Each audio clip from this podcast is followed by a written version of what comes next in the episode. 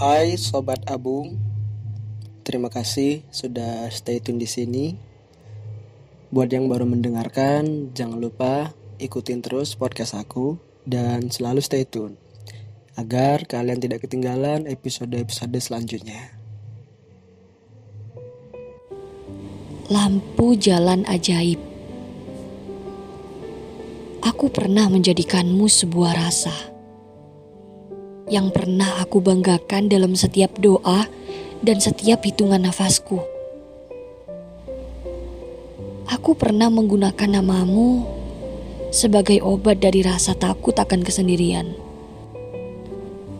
Membayangkan kejadian-kejadian ajaib bersamamu. Saat melelehkan lelah di bawah lampu jalan yang ditanam di jalan kampus, kita pernah bertukar senyum dan bertukar sebuah rasa rindu. Waktu pun merayap dari hari demi hari. Umur kita semakin dewasa.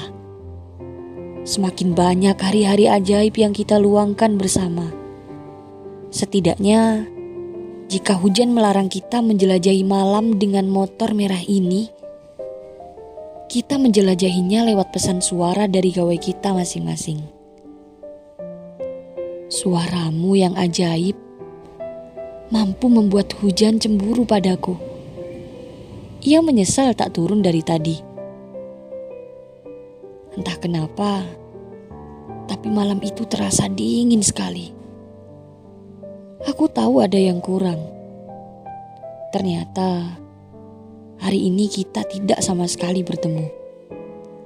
Ada kegiatan yang harus kita selesaikan. Kamu di sana, dan aku tetap di sini.